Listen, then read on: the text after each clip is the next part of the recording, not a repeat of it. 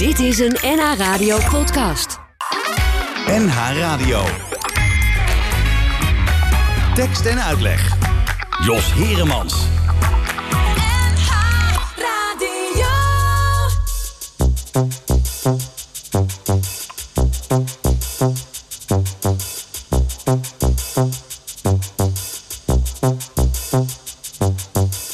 Iemand zei dit is Annabel.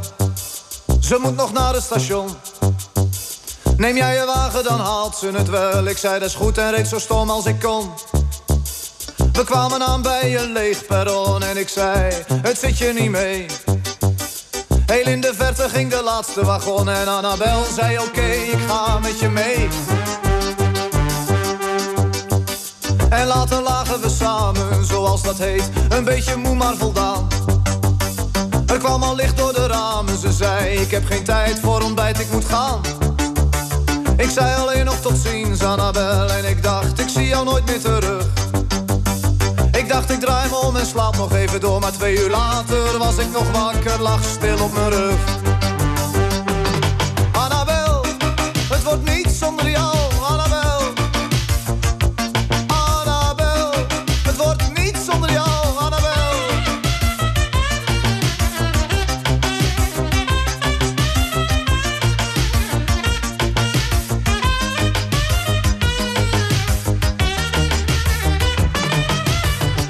Bleef ik twee dagen liggen in bed. Ik was totaal van de kaart. Toen stond ik op, ik moest niet denken maar doen, want zonder haar was ik geen stuiver meer waard. Ik ging de stad door op zoek naar een glimp en ik dacht, ik zie jou nooit meer terug. Ik ging zelfs hardop praten in mezelf en iemand zei, je stond uren met je handen op de leuning van de brug.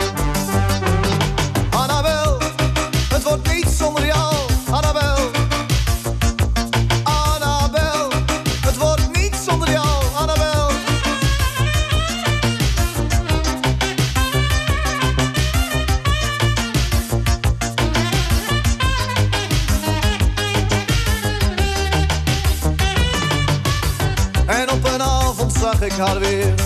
Ze stapte net op de tram. Ze was nog mooier dan de vorige keer. Ik riep haar naam en trapte hard op mijn rem. Ik sprong de auto uit en greep haar vast. Ze stond stil en keek om. Ze keek me aan, maar was nauwelijks verrast. Ik zei, hé, hey, waar moet je naartoe? Ze zei naar het station. Ik bracht haar weg, ze kocht een kaartje Parijs. Ik zei, ja, nog één erbij. Gaf tweemaal enkele reis. En Annabel keek even opzij. Ik zei, ik heb je gevonden vandaag. Ik laat je nooit meer alleen.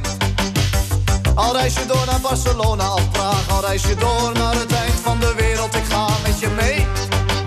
Hey, Annabel, het wordt niet zonder jou,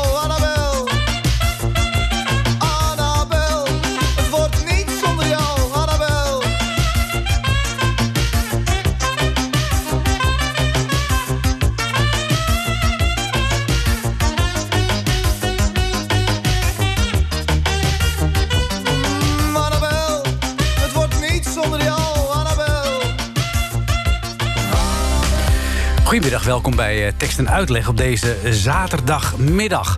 Wat gaan we doen? Nou, we gaan praten met eh, Manja Topper van eh, Dood Paard... over een eh, voorstelling die eh, bijzonder interessant is. Dr. Faustus eh, is geschreven eh, begin 17e eeuw...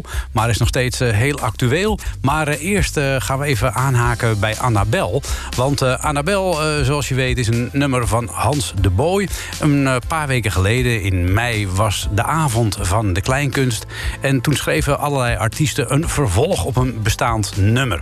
Nou, eh, Niels van der Laan en Jeroen Woe schreven een vervolg op eh, Annabel. Speciaal voor Hans de Boy. En het heet daarom ook Hans en Annabel.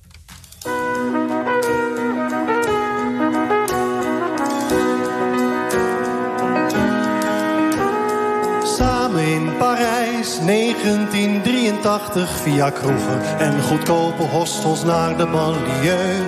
Een kraakpand, een paleis en alles was er prachtig. En alles ging zo snel met Hans en Annabel.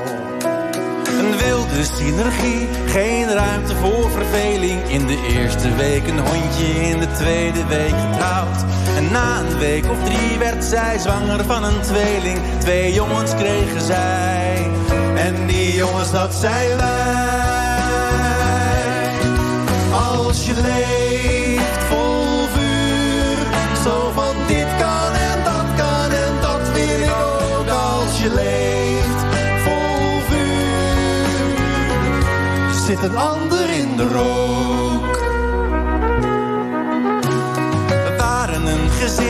Maar dat was niet te merken, want ze bleven lekker leven, maar ze keken nooit naar ons. Het ging in het begin, maar het bleek toch niet te werken. Want orde en balans, ja dat werkt niet zo voor Hans. Hij is niet vaak thuis geweest, want hij ging achter zijn drift aan. Hij hield van alle vrouwen, zijn hart was veel te groot. Op een avond, op een feest, bood hij een vrouw een lift aan en hij ging naar het station. En met een oorlogszon, als je leeft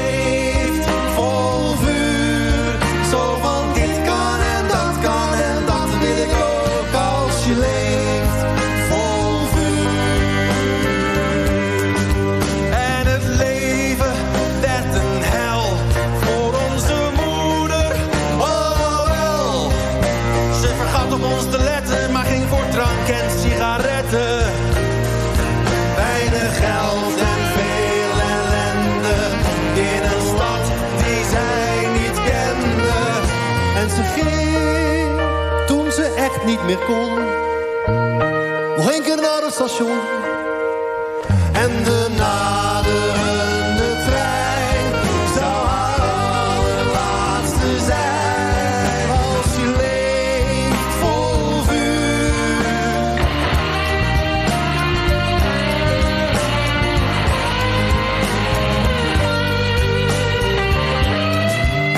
Wij hebben nooit geleerd om echt liefde te Dus al onze relaties gingen één voor één kapot.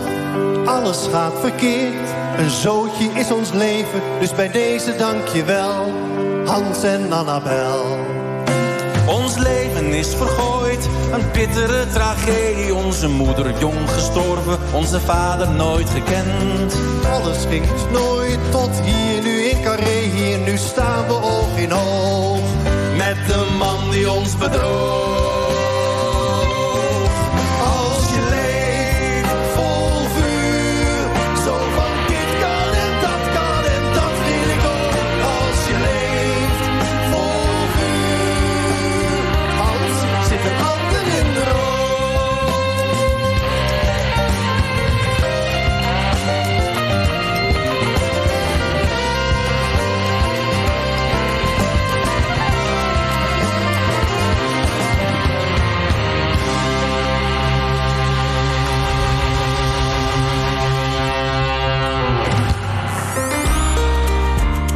En uitleg. En uitleg. Hans en Annabel van eh, Van der Laan en Woe als eh, opvolger eh, van Annabel. En er zaten natuurlijk allerlei verwijzingen in naar het eh roemruchte leven van Hans de Boy. Die, zoals wij allen weten, na die hit Annabel en Alle Vrouwen, Ik hou van alle vrouwen. ja, een klein beetje, nou ja, lage wal wil ik het niet noemen. Maar hij raakte in ieder geval een een beetje de weg kwijt. En eh, verdween ook inderdaad, inderdaad eh, met de Noorderzon. Ze hebben hem opgezocht ook, eh, Van der Laan en Woe. Hij woont momenteel in Antwerpen. En daarop besloten ze eigenlijk samen... van als we dan een vervolg schrijven op Annabel... dan moet het eigenlijk ook wel gaan over Hans de Boy zelf. Alsof wij de kinderen zijn dan van die, van die Annabel... die naar het station ging en hoe dat dan verder daar mee afliep. Nou, is heel goed gelukt, vind ik overigens. Hans en Annabel dus. We praten in tekst en uitleg eh, met eh, Manja Topper. Manja Topper maakt al 16 jaar deel uit van de theatergroep Doodpaard, denk ik. Eh, Manja, goedemiddag. Goedemiddag, hallo. 16 ik jaar denk, toch? Ik denk eigenlijk nog veel langer. Nog langer? Ja. Jeetje. Ik denk al wel meer dan 20 jaar. Meer dan... te- Jongen, jongen, Ja, we hebben het opgericht toen we klaar waren met de toneelschool. Ja. En eh, ja, vanaf dat moment zijn we eh, doorgegaan. Ja, zomaar vanaf de toneelschool dacht je van... we richten onze eigen club op. Ja, drie toneelspelers. Ja. En wie waren dat, behalve jij? Eh Kuno Bakker en Mhm. Oscar van Woensel. Ja. En, En, zij, Bakker en ik zitten nog steeds bij Doodpaard. en Oscar is afgehaakt. Ja, al heel lang geleden. Al heel lang weer gaan geleden. schrijven, ja. Die- oh ja, ja, die kennen we inderdaad nu als schrijver. Ja. Eh, wat eh, bezielde jullie om op eigen benen te willen staan? Want je had natuurlijk ook kunnen kijken of je bij een theatergroep aansluiting had kunnen vinden die al bestond. Ja, het is natuurlijk heel lang geleden en wat dan precies de overweging waren.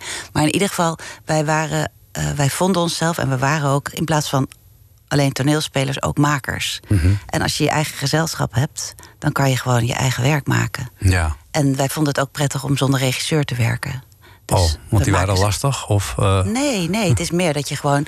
Eigenlijk heeft dat met het maken te maken. Hmm. Wij willen het graag als collectief wilden we eh, theater maken. Ja. En eh, dat is wat we gedaan hebben en wat we nog steeds doen. Maar ja, is, is dat ook een beetje wat bij die tijd paste? Van dat mensen vanuit een collectief samen al ja, op een organische manier voorstellingen probeerden te creëren? Het is misschien wel, we hadden, we hadden natuurlijk wel een paar voorbeelden van ook mensen die dat deden. Maar ik, wat ik zo zie, omdat het nu al zo lang duurt, Mhm. dat het een, eh, een tijdsbeeld is en soms verdwijnt het weer en dan komt het weer op. Hmm. Dus het is iets van een soort van golvende beweging. Ja. Of er collectieven zijn of niet. Ja, maar als je zonder regisseur werkt, hè, eh, is er dan toch niet altijd iemand die de leiding moet nemen, die de lijnen uitzet en zegt van jongens, laten we dit nou niet doen, want anders wordt, lijkt, kan het ook wel een hele lange discussie worden tot je ergens uit bent. Ja, dat is natuurlijk het probleem gelijk. Maar wij werken wel graag en vaak met acteurs die ook graag op zo'n manier werken. En het is Mhm. natuurlijk altijd zo. Maar iemand kan ook wel voor even, even het voortouw nemen, zeg maar. Dat is wat anders dan dat iemand de regisseur is. Ja, Snap je? Dus we doen ook niet alles samen, maar we verzinnen wel zeg maar samen het concept van het stuk en Mhm. hoe we het spelen. En het leuke daaraan is, is omdat dat zo'n collectief proces is, dat dat gedurende het spelen ook steeds, eigenlijk houdt dat nooit op. je, gaat, je bent er eigenlijk dag en nacht mee bezig. Nou, het, het stuk blijft zich ook daardoor heel erg ontwikkelen. Ook als je al aan het spelen bent. Ook als je aan het spelen bent, ja. dus het dat- kan zijn dat als ik de eerste keer naar jullie voorstelling kom kijken, Ja, eh, dat ik dan iets heel anders zie dan wanneer ik na twintig keer kom. Ja, iets he- ja, je ziet Nou, veranderingen. Zeker, ja, absoluut. Ja. Dus daar, het, het ja, het dat is best wel interessant. En, en hoe begin je dan? Want eh, ja, je, je hebt een idee, maar hè, als je zegt het ontstaat vanuit een collectief, eh, heb je dan gezegd, nou jongens, we hebben dit plan. Laten we daar eens dingen bij gaan verzinnen. Ga je, hoe, hoe, doe, je, hoe doe je dat qua research? En, en- Nou, in dit geval was het eigenlijk. Ik, eh, het is gewoon zo iemand. eh, Bijvoorbeeld, eh, ja, of Kuno of ik, die beg- beginnen met een idee of met een stuk of zo. En ik had een, een boek gelezen, Mhm. De Opstand van de Natuur. Dat gaat over de kleine ijstijd van eh, Philip Blom. En eigenlijk gaat het over klimaatverandering. Hè? Dus eigenlijk Mhm. beschrijft hij de kleine ijstijd. Die, die was een beetje zo rond de 16, 17e eeuw, hè? Die, die periode, geloof ik, of niet? Ik heb even, ja, ja, precies. Ja, in die tijd was het. En, ehm, en in die tijd was het plotseling veel kouder. Dus in die tijd was, gebeurden er heel veel dingen eh, door het klimaat, door de klimaatsverandering. En in die tijd is, ehm, is natuurlijk helemaal niet zo goed bijgehouden allemaal. Dus hij onderzoekt die tijd eigenlijk aan de hand van eh, schilderijen, toneelstukken, brieven, op zo'n manier. En ik was dat boek aan het lezen en uiteindelijk gaat dat natuurlijk eigenlijk over deze tijd, hè, als een soort van waarschuwing. Maar en toen was ik dat boek aan het lezen en toen kwam ik op dit stuk van Christopher Marlowe. Ja. En toen ben ik het gaan lezen. En eh, ik las. We hebben al eerder een stuk van Christopher Marlowe gedaan. eh, The Jew of Malta, ook een heel interessant stuk. En nu ben ik dit gaan lezen. En hij schreef ook dat hij als een soort van voorbeeld voor die Faustus... had hij John Dee gebruikt.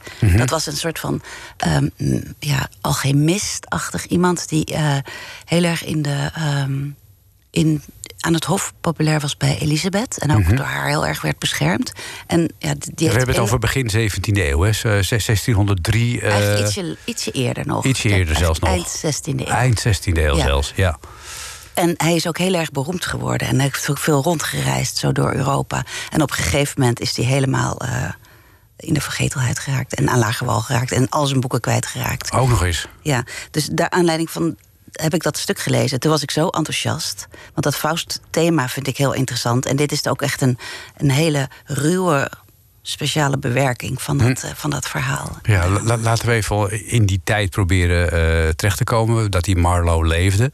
Eh, is dat, dat is een beetje de periode dat Shakespeare eh, bezig was met te schrijven. Ja, dat waren collega's, ja, Ja, tijdgenoten. Tijdgenoten. eh, schrijft hij ook in dezelfde stijl als Shakespeare? Of is het een heel ander soort schrijver dan Shakespeare was? Nee, Nee, hij is eigenlijk heel erg vergelijkbaar. Hij is alleen heel erg jong gestorven. Dus je voelt ook heel erg daarin de belofte dat het eigenlijk een hele. Hij had veel, eh, waarschijnlijk een enorm interessant oeuvre kunnen, kunnen schrijven. Maar dat is eigenlijk vrij, vrij klein gebleven. Hij- hij- Hij was nog in dertig toen hij doodging. Nee. Toen hij vermoord werd. Ja, neergestoken, heb ik begrepen. Ja, in een. eh, Een dramatisch einde ook weer, toch? Hè? Ja, en ook heel erg, daar is ook heel veel over verzonnen natuurlijk en Oh ja? over gespeculeerd. Want hij was ook iemand die ehm, bekend stond ook als spion. En misschien ook wel als soort van dubbelspion. Aan de andere kant was hij ook heel uitgesproken over, eh, over het geloof. Mhm. Daar had hij heel veel eh, kritiek op. En eigenlijk, dat zie je ook in dat stuk, dat er heel veel atheïstische ehm, beschrijvingen zijn. En dat was in die tijd echt Dat heel. kon niet. Nee, zeker Nee, niet. nee, dat nee. was heel, eh, heel gevaarlijk. Ja. Wat, wat denk je dat, dat hem zo in die tijd heeft aangetrokken in, in die persoon van Faust? Nou, ik denk, het is natuurlijk. Ja, het is zo de late middeleeuwen. Er was een enorme honger naar kennis. En er Hmm. werd ook ontzettend. Was, de wetenschap ging ook op een, een of andere manier heel snel. Hmm. Dus op zich. ehm, de drang om steeds meer te weten en meer te ontdekken, die was natuurlijk heel groot. Ook het wereldbeeld was ook door Copernicus in die tijd beschreven als dat het toch anders was. Dat niet alle sterren en planeten om de aarde, maar dat het, dat het anders in elkaar zat. Ja. Dus dat zijn allemaal dingen die zijn op dat, op dat, in die periode ontdekt. En dat waren dan dingen die nog niet helemaal gemeengoed waren. Dus het was een enorme eh, ja, eagerness, zo, Ja. drang om veel te weten. En het is ook zo dat eh, Faustus die gaat natuurlijk op zoek naar de zwarte magie. Ja. En dat, was, dat is in onze tijd iets heel anders dan in die tijd, denk ik. Hm. Toen was het veel meer versmolten ook met de wetenschap. Maar de, de zwarte magie, dat, dat is ook een term waar, je- waar je heel veel dingen onder kunt proberen te vangen. Wat, Ja. wat was het specifieke eh, in dit geval bij, bij Faustus? Nou ja, wat hij wil. Ja, hij, hij, hij, hij zegt in het stuk bij ons, Mhm. zegt hij van eh, dat hij eigenlijk alle wetenschappen uit heeft. Dus hij weet het. Hij En, weet eh, het. Mhm. Hij weet het. Hij kent de godsdienst, de, de, de filosofie enzovoort, enzovoort, enzovoort. Mhm. En hij wil nog een stap verder maken. En een van de. Nou, het allereerste wat hij vraagt is dat hij een vrouw wil, maar hij wil gewoon ongekende mogelijkheden, eigenlijk ongelimiteerde mogelijkheden in ruil voor zijn ziel. Ja. En Maar- hij wil, denk ik, één ding wat ook in het begin gelijk gebeurt, is dan wil hij met Mephistopheles, dat is dan een handlanger van Lucifer, van de duivel, wil hij gelijk beginnen over het wereldbeeld. Dus daar wil hij verder over praten. Ja, dus daar ja. wil hij ook in groeien. Maar goed, dat loopt op niks uit.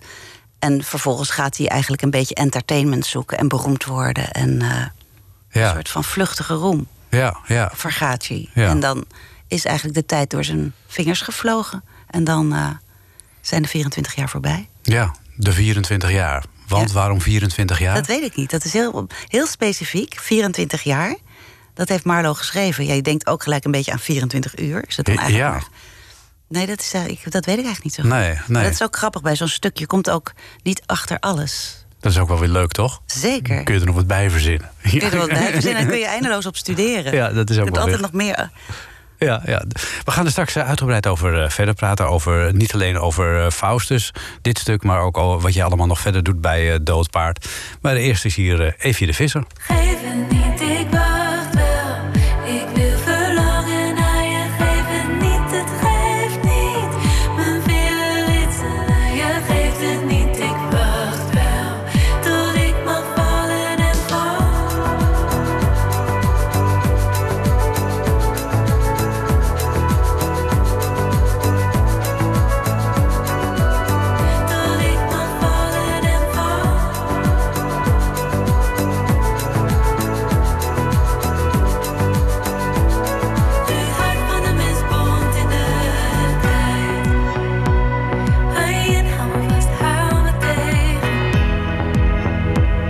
Estoy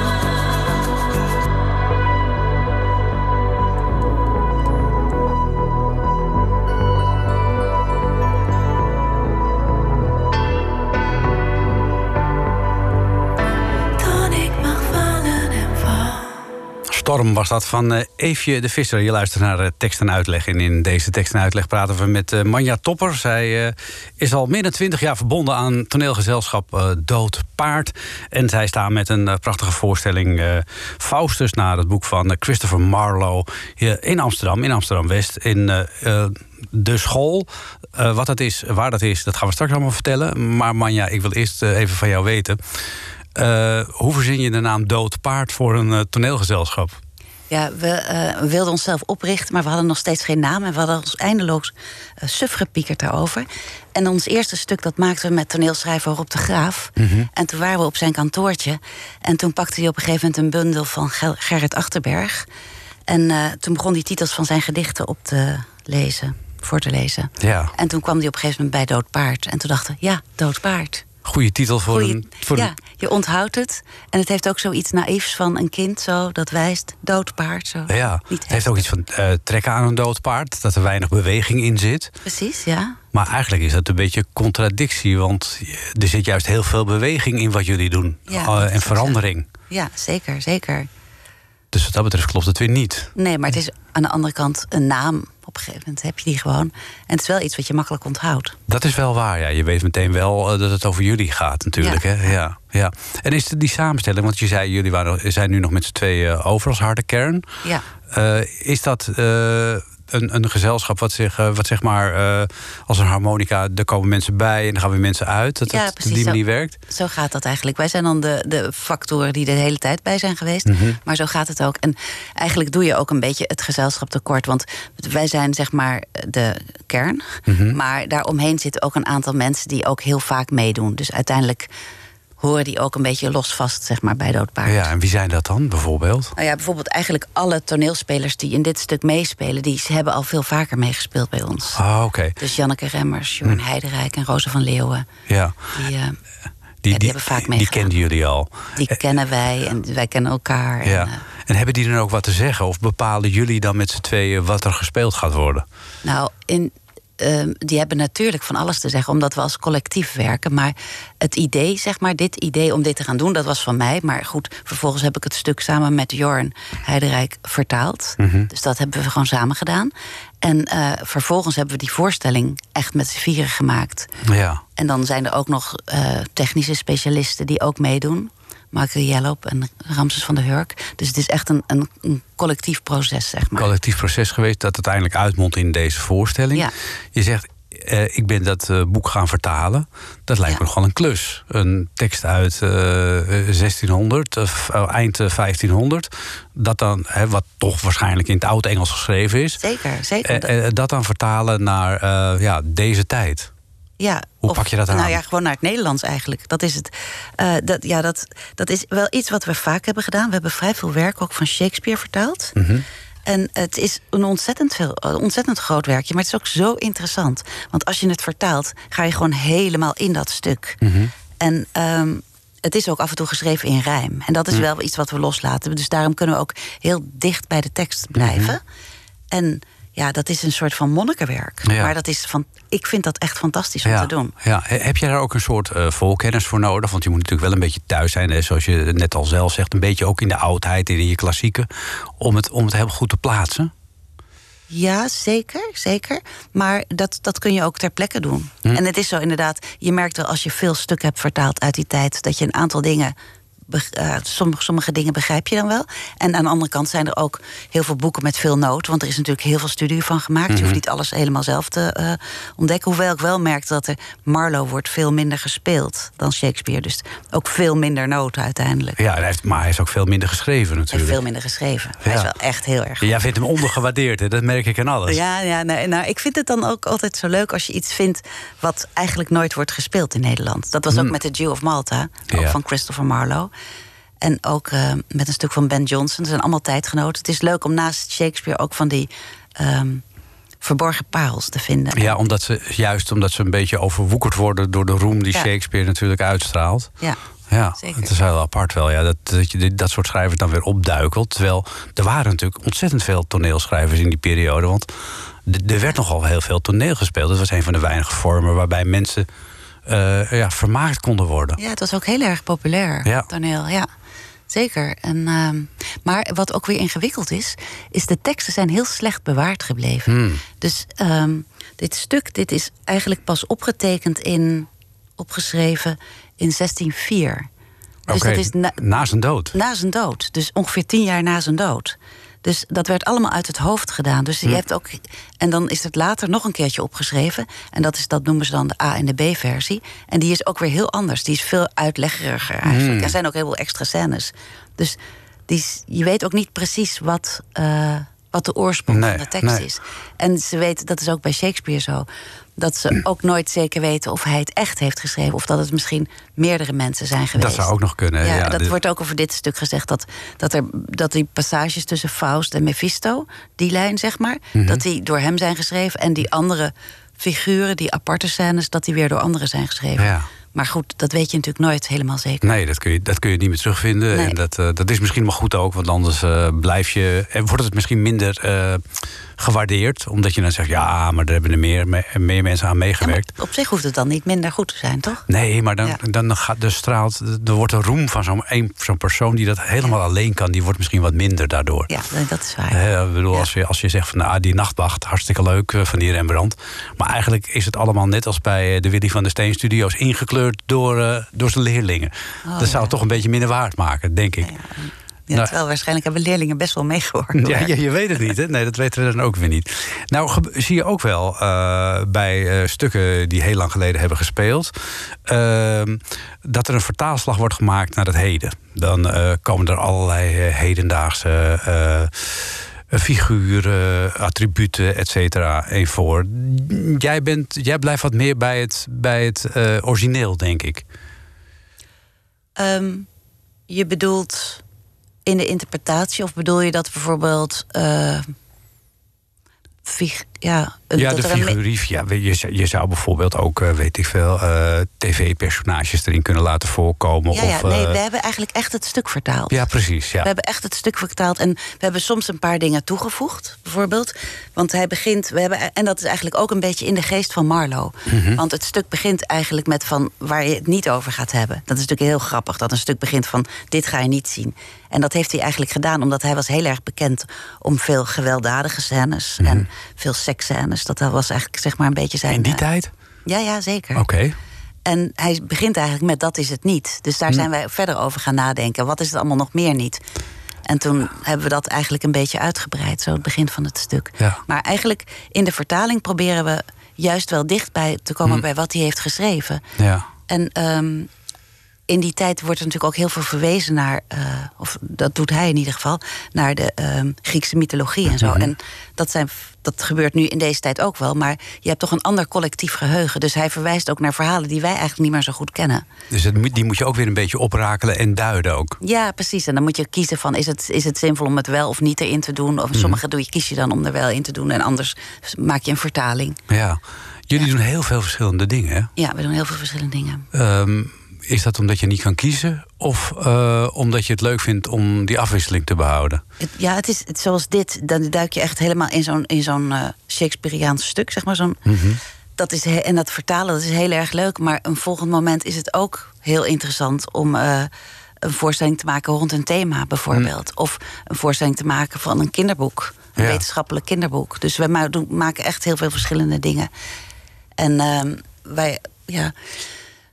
We eh, stonden eigenlijk ook op het punt, als er geen corona was geweest, om de Gijsbrecht van Amstel te spelen. Ehm, Nieuw leven in te blazen? Ja, precies. Dus dat hadden we eigenlijk ook helemaal ingestudeerd. Ook Maar- op nieuwjaarsdag gewoon? ja, op nieuwjaarsdag, maar dat ging dan niet door. Maar dat zijn allemaal toch heel verschillende dingen. En soms spelen we ook nieuw geschreven stukken. Schrijf je ook zelf hele nieuwe stukken? Nee, dat kan nee.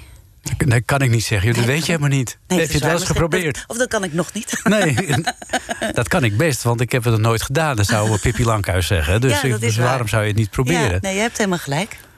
Waar- ja. Waarom is dat er niet van gekomen? Want Ehm, ja, ik weet het niet. Je kan ook niet alles doen. nee, dat is Ik waar. vind vertalen ook heel erg leuk, bijvoorbeeld. En ik vind het, wat ik wel heel erg leuk vind, want zo werken we ook heel vaak, dat we met een, een schrijver schrijven en dat we samen zeg maar eh, het stuk verzinnen, maar die schrijft het dan vervolgens Ah, ja. op een manier op die je nooit zelf had kunnen verzinnen. ja, dat is ook weer. Dan hou je Dat nog een bepaalde mate van distantie. Ja, maar dat is ook, ook interessant. Oh, wel ja. Ja. Eh, op dit moment eh, vindt het EK voetbal plaats. Eh, ik neem aan dat jullie daar een beetje voorstelling... heb jij daar natuurlijk ook last van. Maandagavond zul je minder publiek hebben... als Nederland moet spelen bijvoorbeeld. Maar ehm, het, er is een groep in Haarlem, Bender... die hebben in 2014 een, een leuk liedje gemaakt. En dat, op de een of andere manier duikelt dat nu weer naar boven... vanwege het EK voetbal. En, en ik vind het wel een grappig nummer. En eh, er zitten allerlei eh, leuke verwijzingen in.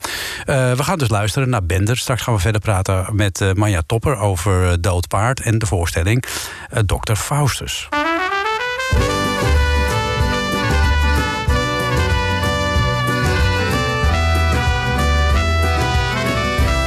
Het is eigenlijk een wonder dat ik nooit ben opgebeld. Dat nooit iemand mij na afloop even staande hield op het veld om te vragen hoe ik heette. En of ik dat wel vaker deed. Een mannetje omspeelde, dwars door het strafschopgebied heen sneed. Weet je nog hoe mooi? Robbie gaf hem voor, Timmy kopte door. Jeroen zag in een oogwenk hoe ik kwam. Hij legde hem opzij, precies op maat voor mij.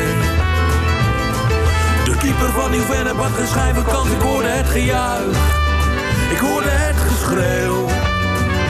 En ik droomde van het shirt met de Nederlandse leeuw.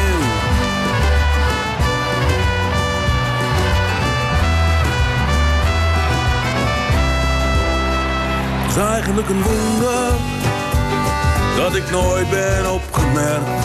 Het had heel anders kunnen lopen als ik de geleden had versterkt met mijn weergeloze paasjes. Mijn verbluffende techniek, maar niemand zal het ooit echt weten. Dat is de voetbaldramatiek. Weet je nog hoe mooi? Robbie gaf hem voor, Timmy kopte door. Jeroen zag in een oogwenk hoe ik aanstormen kwam. Hij legde hem opzij, precies op maat voor mij. De keeper van Nieuw-Vennep had geen kans, ik hoorde het gejuich. Ik hoorde het geschreeuw. En ik droomde van het shirt met de Nederlandse De bal hebben te scoren, leeuw. zegt Cruijff. Zo is het toch? We verlengen of niet? Wat is er nog mogelijk? Is het nog mogelijk? Brazilië snakt naar adem, zeg. Wat een zinderende finale. Het is erop of eronder. En het is de laatste minuut van de wedstrijd. De secondes lopen nog. Het kan. Echt. Bakhuis. Bakhuis in de voeten van de boer. De boer naar Lenstra. Abe, die dekt Abe. Wat gaat hij doen? Kruif. Kruif versneld. Passeert de middenlijn. Moulijn. De Brazilianen, ze kijken machteloos toe. Dan Van Persie, Bergkamp, Van Basten, Robben. Robben zoekt de achterlijn. Vissers in het strafschopgebied. Betje Vissers. Twee weken geleden speelde hij nog in de CE van BSM. Nooit van gehoord. Vissers zoekt positie. Ziet hij het? Ja hoor, hij ziet het. Ja, doe nou jongen. Doe nou ja. Weet je nog hoe mooi? ja. Robbie gaf voor. Vissers doelpunt. We zijn wereldkampioen. We zijn wereldkampioen. Jeroen zag in een oogwenk hoe ik aanstormen kwam. Hij legde hem opzij, precies op maat voor mij. Keeper van Nieuw-Vennep had geen schijven kans, ik hoorde het gejuich. Ik hoorde het geschreeuw. En ik droomde van het shirt met de Nederlandse leeuw. Jongen, jongen, jongen. Wat een wedstrijd zeg. Ja, herkende je hem? Evert ten Apel, tenslotte. Eh Bender was dat, uit Haarlem, met eh, Wonder. Een vrolijk liedje in eh, deze tijden van EK. Maar als je niet naar het voetbal gaat... dan kun je naar de school in Amsterdam-West. Want daar staat tot 1 juli toneelgezelschap Doodpaard. En die spelen daar Dr. Faustus. En Manja Topper, een van de oprichters van Doodpaard... en daar al jarenlang aan verbonden... is vandaag hier te gast in tekst en uitleg. Ja, Manja, we hadden het net al eventjes over de locatie waar jullie spelen... Ehm, de school. Ik moet eh, zeggen, ik, ik eh, hoorde de naam voor de eerste keer. Ik was even in verwarring. Ik dacht even, het gaat over het sieraad. Maar dat is wat anders. Dat is ook in een school. Maar dit is een hele nieuwe locatie. Ja, dit is eigenlijk een hele oude locatie, want het is een hele oude LTS. Ja. En eh, inmiddels is het een soort, ja, ik weet niet of je het een broedplaats moet noemen. Maar het is in ieder geval een plek waar heel veel kunstenaarsinitiatieven zijn. En een restaurant is en een café. En er was ook een club. En, Ja. Er zijn heel veel exposities Ja. en dingen die daar georganiseerd Ja. worden. Een hele leuke plek. Ja, En- is die- die- in Amsterdam-West, vlakbij Jan van Galenbad, de Van Bremenstraat. De, Ja, de, de tweede christelijke LTS Patrimonium, zo herinner ik hem mij. eh, hem al toen ik daar nog woonde in die buurt. Oh, oké. Eh, dus eh, waarbij, eh, waarbij het ook architectonisch gezien, het is jammer dat hij nu helemaal, eigenlijk helemaal verlaten is, eh, eh, een, mooi staaltje architectuur is. Het is eigenlijk een wonderschoon gebouw. Ook met een mooie binnentuin. En het, de ruimte waar wij spelen, die kijkt ook uit. heeft een hele mooie ramenpartij. Die kijkt uit op de A10. Dus je ziet tijdens de voorstelling zie je al die auto's voorbij eh, razen. En hoor je ze ook. En omdat het zo warm is, hebben we ook de deur open. En tussen de A10 en het gebouw is een enorme wildernis van natuur. Aha. Daar kwetteren echte vogels. En, eh, dus dat is heel grappig. Dus het is een heel levendig groene plek. Ja, het is een soort oasetje in de oksel van de A10 daar beneden. Ja, het is een klein beetje een vieze oase. Maar Dat weer wel, Het is ja. ook een plek waar mensen slapen s'nachts. Oh ja? Ja, ja. Maar het is, eh, het is een heel grappige, bijzondere plek. Ja, nu hebben we natuurlijk nog te maken met allerlei coronamaatregelen. Hoeveel mensen kunnen er eigenlijk komen kijken per avond? Ja, dat wisselt heel erg. Want eigenlijk gingen wij uit dat er maar 30 mensen in zouden komen. Dus Mhm. daarom hebben we ook niet zo'n hele grote locatie. Maar inmiddels mogen er 50. Maar het hangt, hangt ervan af eh, aan de samenstelling van het publiek. Dus als er veel mensen in hun eentje komen, kunnen er minder. En als er Oh. veel mensen in een gezamenlijk huishouden komen, kunnen er meer. Dus wij puzzelen zo elke dag een, eh, iets in elkaar. Ja. En weten we precies wat de capaciteit is. En, en bevalt de locatie? Eh, want jullie spelen jullie ook eh, op vaste locaties of eh, trekken jullie ook wel eens het land door? wij trekken eigenlijk heel vaak het land door en soms ook Europa door. Maar, en we spelen als vaste plek in ehm, Amsterdam, vooral in Mhm. Frascati. En soms Ja. ook in de Meervaart en soms andere kleine theaters. Maar Frascati is wel echt maar, zeg maar zo'n vast huis. Maar we hebben een soort van serie die we aan het eh, doen zijn... van voorstellingen die we speciaal voor Nieuw, in Nieuw-West spelen op locatie. Oh, oké. Speciaal in Nieuw-West. Ja, dus we zijn begonnen met The Tragedy of Slaughtervaart. Ach, En dat ging over het Slotervaartziekenhuis. En dat speelden we eigenlijk. Het gaat over de geschiedenis van het Slotervaartziekenhuis. En dat speelden we op het moment dat het ziek- ziekenhuis omviel. Dat was zeg maar de eerste voorstelling. En die speelden we in Broedplaats Lely. Dus ook echt een vlakbij. vlakbij. Ja, Ja, precies. Het staat nu voor een groot deel leeg, dus je zou, misschien kun je er wel intrekken. We hebben geprobeerd, we hebben gezocht naar een locatie voor Ja. deze voorstelling. En we, waren ook, we hadden ook ons oog laten vallen op, eh, op het Slotervaartziekenhuis. Eh, vooral in het midden, zeg maar, waar iedereen kent dat denk ik wel als je een keertje geweest bent. Je hebt dan zo'n soort van plek waar al die eh, liften zijn en Ja. trappen. Zo dat centrum, dat leek ons een mooie plek om te spelen. Maar dat werd verbouwd in die tijd, dus dat Mhm. was ongeschikt. Jammer, jammer, jammer. Jammer. Nou ja, wie weet Maar komt dit het- is ook heel mooi. Dit is ook eh, prachtig, ja. Eh, in de school in Amsterdam, Nieuw-West. Het toneelgezelschap Doodpaard met dokter Faustus. Wat zit er hierna nog in het vat, Manja? Want jullie doen vaak meerdere projecten tegelijk. Dus Ja, precies. De, eigenlijk is er. Dat was eigenlijk eerder gepland, maar door corona is dat uitgesteld. Op het ogenblik speelt ook ehm, Homemade. Dat is een voorstelling van Kuno Bakker en Mogalet Razem. En die voorstelling is gisteren in première gegaan in Antwerpen. En die is ook aan, door het land aan het reizen. En die reist ook volgend seizoen nog door het land. oh, oké, dus ja. eh, voorlopig hebben jullie je handen vol met Doodpaard. Zeker. Ja. En dan in het eh, volgend seizoen maken we ook weer een nieuwe voorstelling. Ehm, dat is een voorstelling naar aanleiding van een kinderboek. Dat hebben we Mhm. al eerder een keer gedaan. Een kinderboek van Jan-Paul Schutte. En hij schrijft kinderboeken voor, eh, over wetenschap. Aha, Dus we hebben nu een voorstelling gemaakt over de evolutie. En nu gaat het eigenlijk over het ontstaan van het heelal. oké. Het is een heel moeilijk abstract gegeven. En hij weet, weet gewoon als geen ander om dat zeg maar inzichtelijk te maken voor kinderen. Of ja, kinderen, je zou misschien moeten zeggen pubers. Zo, tieners. Tieners, ja. ja. Ja. en, maak je die voorstellingen ook voor dat publiek... of zijn Ja. volwassenen ook van harte welkom? Ja, zeker. Het is eigenlijk en voor volwassenen en voor tieners. Ja, dan kunnen we gezellig met het hele gezin naartoe. Zeker. Heel goed. En het is zo ingewikkeld. Het is ook voor, voor grote mensen Ja, wie interessant. snapt nou eh, hoe het heelal in elkaar zit? Daar kom je nooit achter. Daar kom- nee, toch? Nooit Dat- helemaal. Nooit helemaal. Nee. Goed, ik vond het hartstikke leuk dat je er was, eh, Manja Topper. Eh, ik zou zeggen, mensen gaan kijken naar eh, het toneelgezelschap Dood Paard met Dr. Faustus. Eh, de school in Amsterdam-West, daar speelt het zich af. Het is op zich al een excursie op zich om daar naartoe te gaan. Hartstikke leuk daar, die buurt, om te verkennen. Je kunt er heerlijk eten daarnaast. Eh, dus eh, neem, neem je tijd. Kijk op de website van de school en dan kom je dat vanzelf tegen. Dan kun je ook meteen even boeken als je van tevoren wil eten, als je dat zou willen. Ehm, even kijken, wat moet ik er nog meer over vertellen? Tot 1 juli hebben we Mag ik gezegd. nog één ding zeggen? Jazeker. De kaartjes kun je reserveren via de Meervaart of via Vascati. Dat was het, Ja. precies, ja. Manja Topper, leuk dat je er was. Ja, dankjewel. Je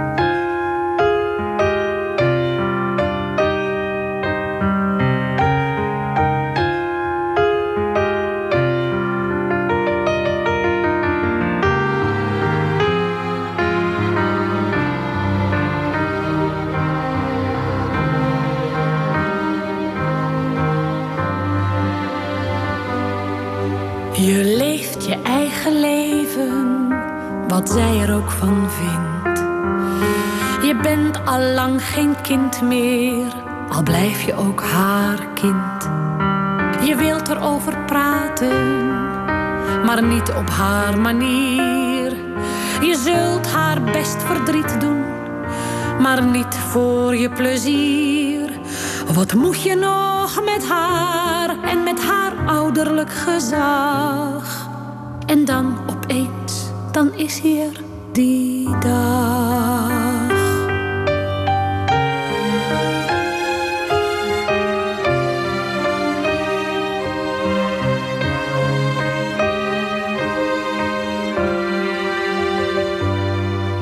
De dag waarop je moeder sterft, dat jij wordt losgelaten en al haar eigenschappen erft die jij zo in haar haatte. Scherpe tong, de bokkenpruik, de zure schooljuffrouw, die zullen ze dan binnenkort herkennen gaan in jou. En hopelijk ook de andere kant, de aardige, de zachte. Maar of je die hebt meegeërfd, valt nog maar af te wachten. De dag waarna de rest een kwestie wordt van tijd en pijn. De dag waarna je nooit meer kind zult zijn.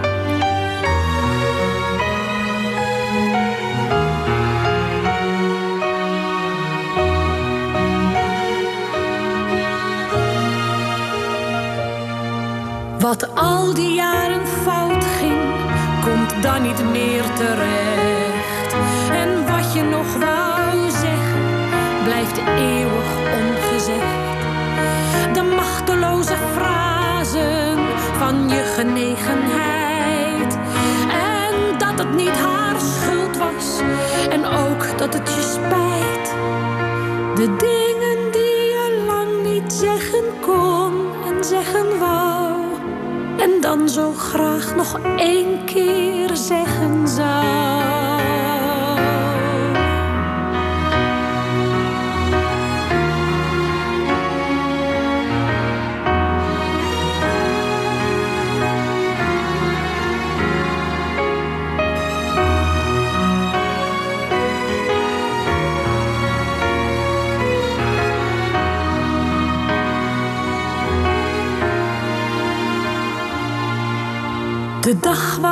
Je moeder sterft, de dag die al je dagen van dan af aan wat grijzer verft, al hou je niks te klagen. Je hebt je goede vrienden nog, die staan je ook dichtbij. En als je soms een minnaar zoekt, dan staan ze in de rij. Maar niemand zal meer weten hoe je met je pop kon spelen. Zal nog ooit je vroegste vroeger met je delen. De dag waarna je nooit meer kwetsbaar wezen kunt en klein. De dag waarna je nooit meer kind zult zijn. Geen kind meer van eh, Karin Bloemen was dat. En dat was ook een van de nummers die eh, dus eh, afgelopen mei... bij de Avond van de Kleinkunst eh, werd bedeeld met een opvolger. En wie moest dat opvolgende lied dan gaan schrijven? Nou, dat is geen sinecure om aan die klus te gaan beginnen. Maar elke vierwijzer die dorst dat aan. En als je het resultaat hoort, dan zul je met me eens zijn dat dat heel goed geslaagd is. Dus zeg maar het vervolg op Geen Kind meer van Karin Bloemen is moeder zijn van elke vierwijzer. Je leeft gewoon je leven. Totdat het plots begint. Je voelt het eerst maar even. En je weet niet wat je ervan vindt. Het is een vreemd gegeven. Doodeng. En toch ook fijn. En ineens weet je het zeker. Je wilt een moeder zijn.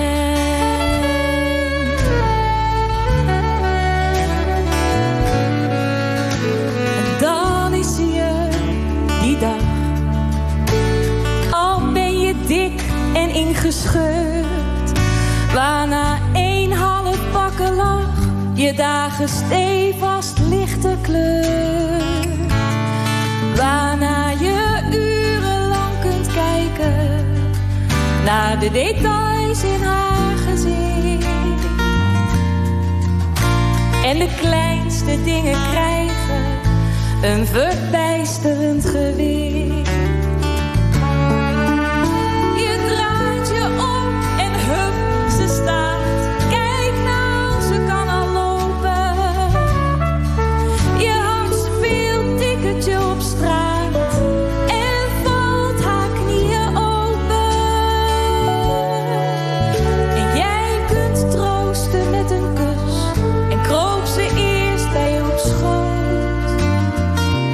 Zegt ze op een dag, mam, daarvoor ben ik te groot. Ze neemt vriendinnen mee, die blijven eten. Ze komt laat thuis. Ze is haar telefoon vergeten. Gaat met een jongen mee naar boos omdat ze vindt dat jij je te veel met haar bemoeit.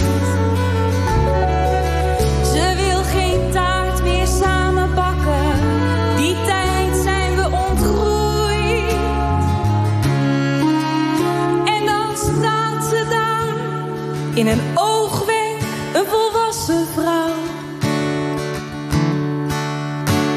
Ze is al maar het is echt een kind van jou. Met haar bokkenpruik, die scherpe tong, de zure schooljuffrouw. Zij leeft haar eigen leven, wat jij er ook van vindt. Ze maakt zich zorgen, overdreven, je voelt je net een kind.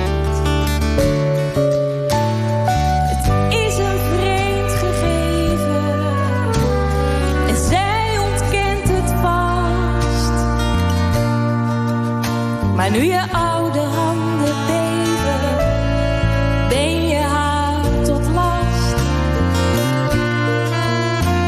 Dan is je die dag. De tijd is op. Je ziet weer voor je hoe ze urenlang kon spelen met haar kop. En als zij terwijl jij vecht tegen de wind, denk je, wat is het mooi om weg te waaien.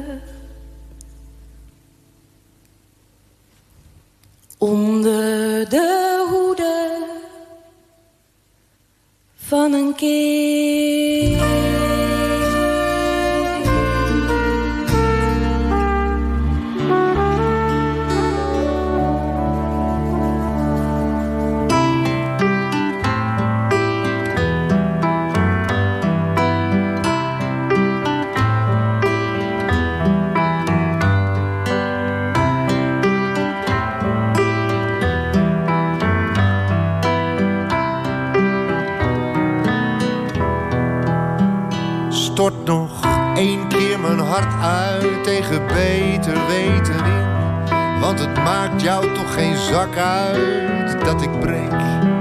Stort nog één keer mijn hart uit tegen beter weten in.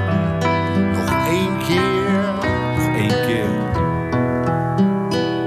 Ik vond de liefde van mijn leven, maar zij vond van niet. Dus keek toe hoe alles weer in het honderd liep.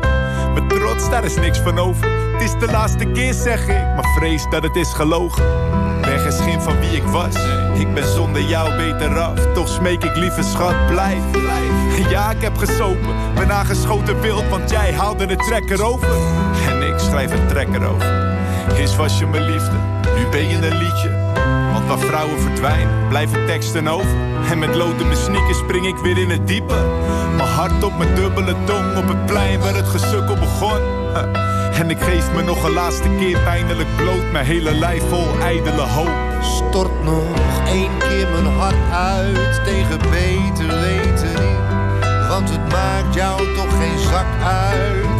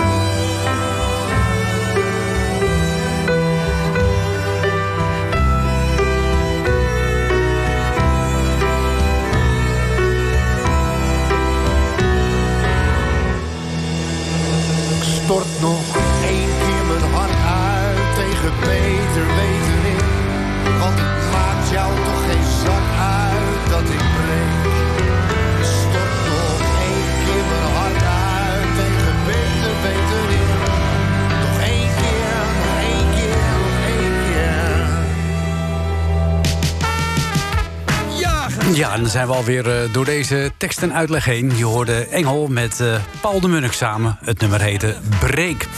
Straks na zessen, Ferdy Bolland met het Gouden Hits Museum. En ik stuur je de zaterdagavond natuurlijk niet in... zonder een versje uit de bundel Lichte Versen in Zware Tijden. De straf die wij voor Siewert vragen is levenslang. Een mondkap dragen. Ik wens je nog een gezellige zaterdagavond.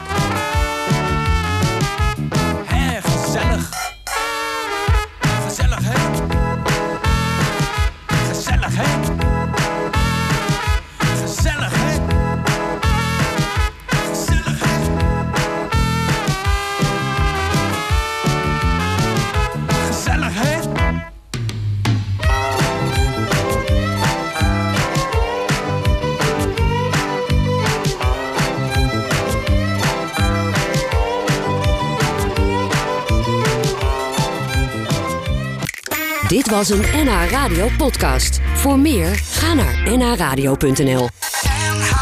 Radio.